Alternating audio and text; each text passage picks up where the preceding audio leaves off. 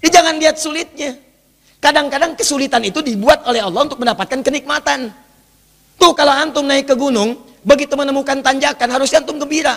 Kenapa? Karena di depan pasti ada turunan. Jadi kalau orang paham dengan fikih di surat Al-Kahf ini, ketika Anda dihadapkan pada ujian, Anda nggak usah nangis berlebihan. Jangan takut. Karena kadang-kadang ujian itu diturunkan untuk memberikan rahmat yang lebih luas bagi antum. Antum tuh dibuat kuat dulu. Bikin nangis, nangis, nangis supaya ke depan gak keluar lagi air mata. Kebal antum dengan semua ujian yang ada. Itu cara memahaminya. Ini gak usah berkeluh kesah. Baru tujuan turun ujian yang kecil udah bikin status. Ya. Kamu kenapa sih? Kata suami. Istrinya pasang status. Ternyata dia tidak seperti yang aku kira. Terus yang paling gak enak ditungguin tuh ada komen gak ya?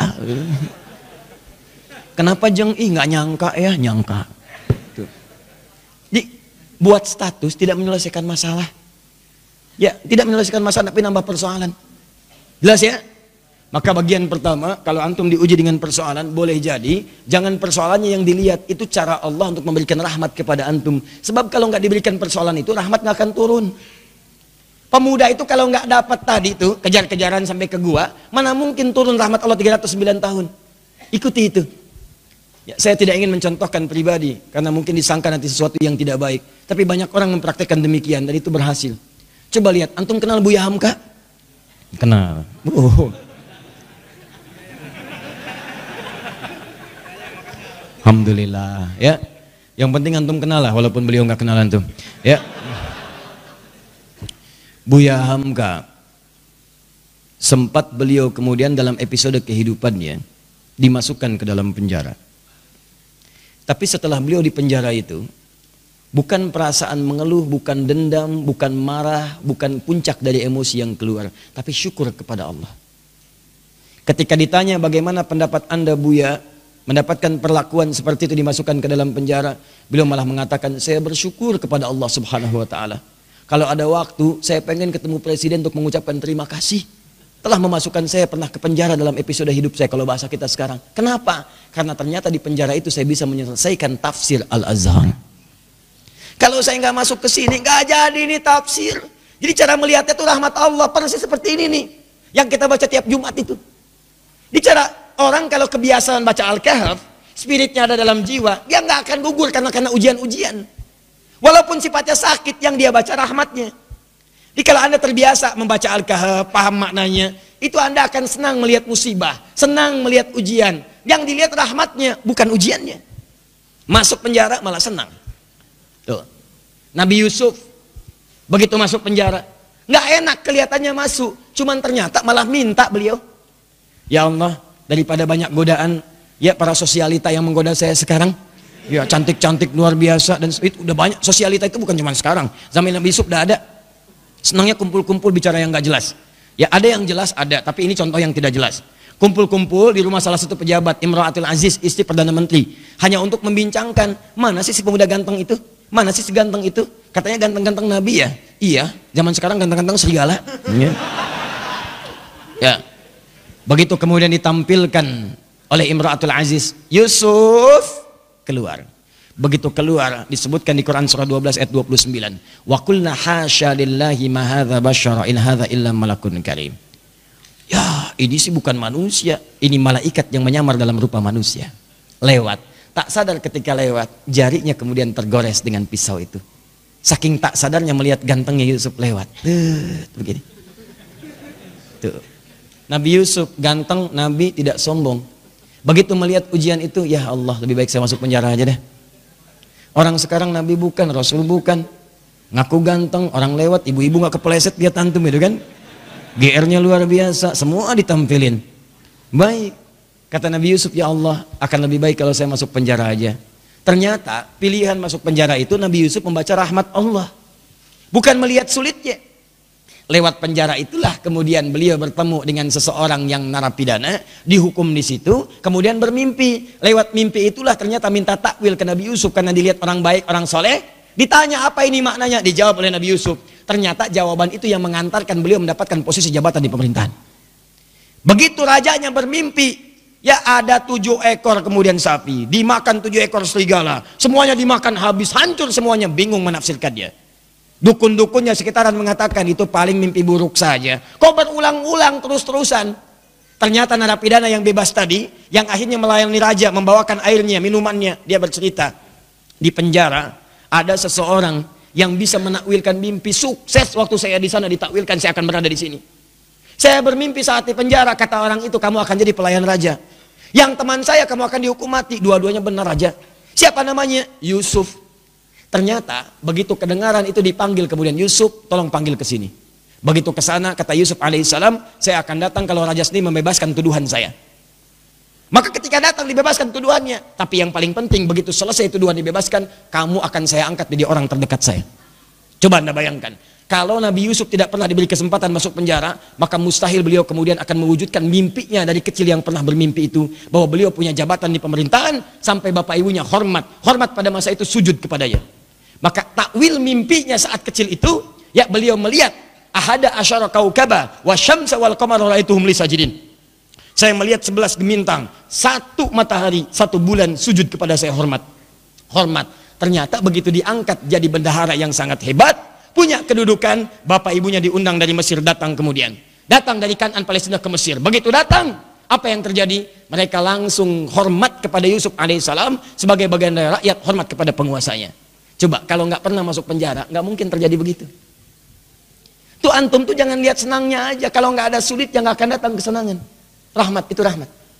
Jadi pertama cara bacanya syukuri setiap nikmat Allah. Kalau bertambah syukuri, kalau ada ujian bersabar. Doanya ini. Jelas? Satu tetesan rahmat Allah paling minimal 309 tahun. Jika diberikan lebih, maka berapa yang antum nantikan? Bisa melewati alam-alam selanjutnya. Nanti saya berikan rahasia ya. Ada yang kalau antum amalkan, itu tiga alam dijamin. Dunia diberikan, alam kubur dilimpahkan, di akhirat antum saking gembiranya sampai lompat-lompat. Tuh, betul sekali. Betul. Ya, ya, ya itu. Ya. Ya. Paham? Apa itu? Nanti belakangan. Sekarang bagian terakhir. Ini sudah menyakiti fisik nih. Udah main fisik. Yang tadi masih ancaman dikejar-kejar, masih bisa ngindar. Kalau yang ini fisiknya udah dipegang. Diancam. Bahkan luar biasa. Udah mengalami kontak fisik.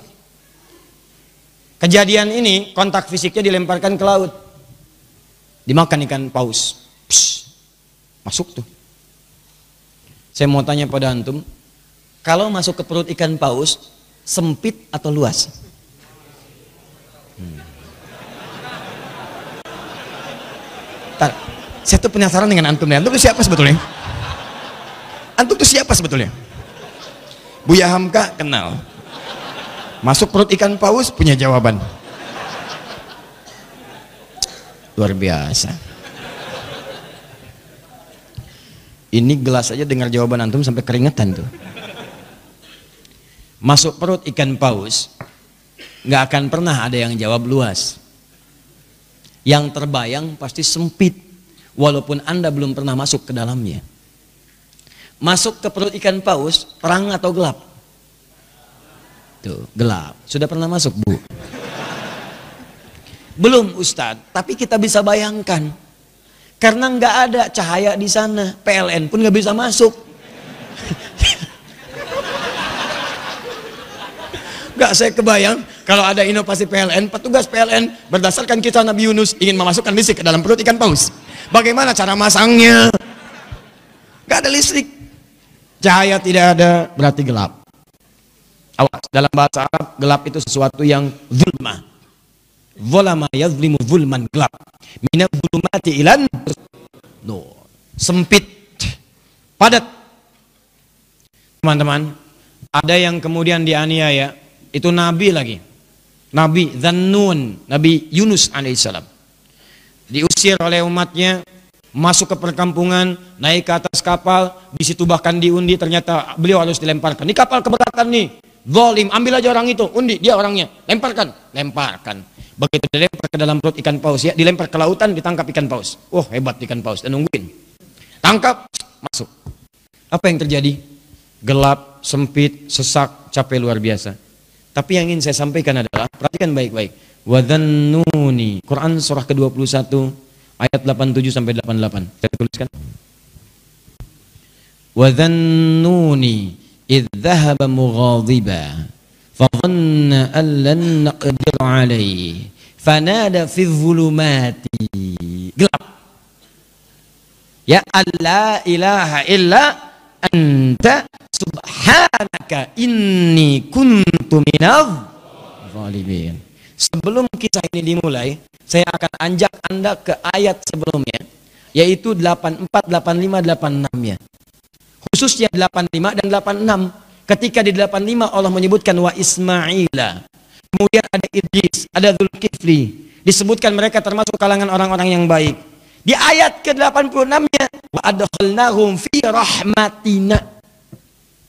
Mereka itu Ismail alaihissalam Idris alaihissalam Zulkifli alaihissalam kata Allah golongan-golongan yang kami berikan rahmat kami kepada mereka rahmat diberikan dan menariknya ketika menyelesaikan ayat 86 ini masuk ke 87 pakai wau wadzannuni waunya wau ataf.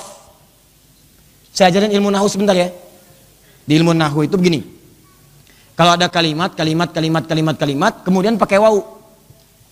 Maka hukum kalimat setelah wau ini diikutkan pada sebelumnya. Ya, misal saya contohkan begini.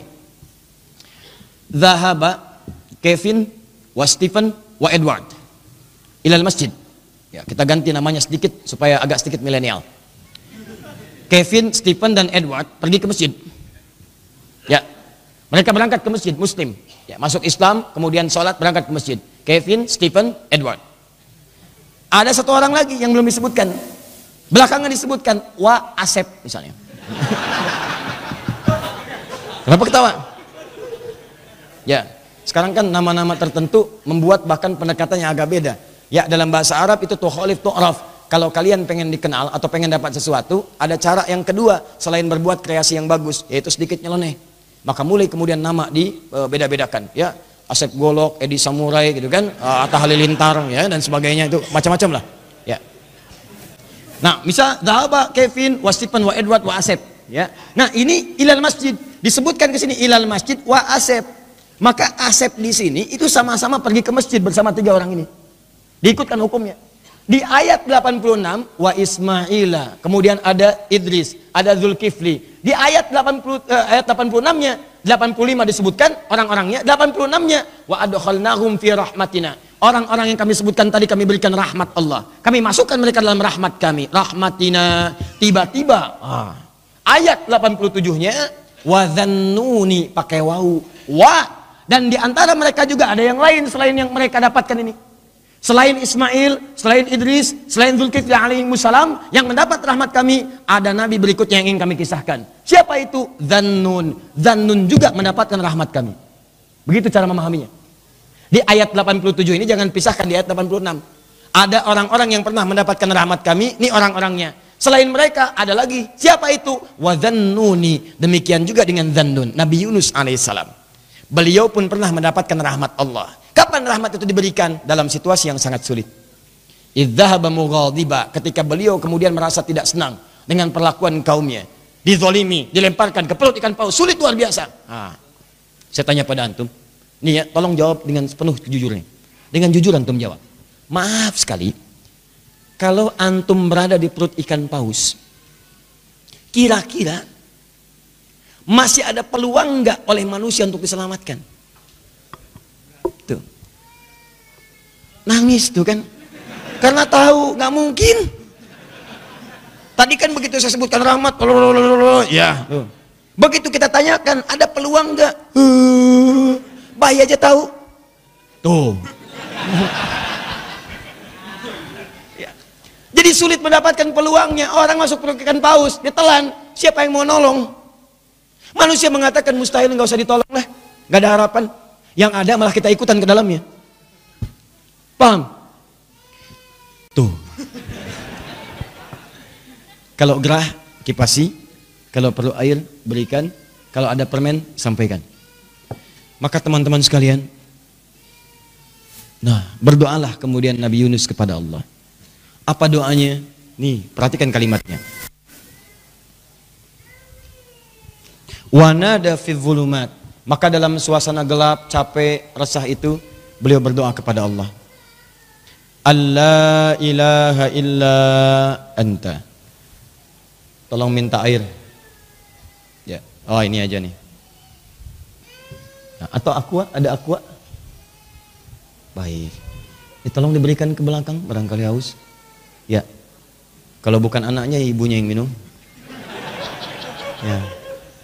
Ya, saya nggak minum nggak apa-apa, ada apa aku mati ya. Yang penting antum nyaman insya Allah. Uh, antum ikhwan ada lagi yang mau nangis? Wanada fi dhulumat maka beliau bermohon kepada Allah dalam suasana gelap sulit itu. Allah ilaha illa anta catat doanya catat. Kalau antum sedang dizolimi orang secara fisik, diancam, dimacam-macam, bahwa proyek antum diambil orang, kelihatannya zolim aja. Maka dalam suasana gelap itu Nabi Yunus bermohon kepada Allah. Gelap, sempit, capek, sulit. Allah ilaha illa anta. Dimulai dari sini. La ilaha illa anta. Subhanaka inni kuntu minav. Catat doanya. Dimulai dari la ilaha illa anta. Kalau yang tadi dimulai dari Rabbana atina min ladunka rahmah. Kalau yang ini dari la ilaha illa anta. Anda bisa mulai dengan kalimat Allahumma la ilaha illa anta. Atau Rabbana la ilaha illa anta. Jadi doa. Subhanaka inni kuntu minav zalimin. Anda tahu apa yang terjadi? Begitu doa ini dipanjatkan, turun jawaban Allah. Apa jawabannya? Ayat 88. Fastajabna. Lihat kalimatnya. Fastajabna. Maka kami jawab dengan cepat doa Nabi Yunus itu. Pakai fa. Saya sering terangkan fa. Huruf sambung tanpa jeda. Begitu selesai berdoa, turun jawaban. Tapi Allah bukan mengatakan fa'ajabna, fastajabna. Pakai ista. Ingat pertemuan lalu? Kalau ada ista, ista, ista berarti ada tuntutan. Amalkan dulu ininya, baru kami berikan jawabannya. Seakan-akan ingin dikatakan begini, amalkan dulu doanya, resapi doanya, kami kabulkan, baru dikabulkan. Kalau nggak diamalkan seperti itu nggak akan datang jawaban.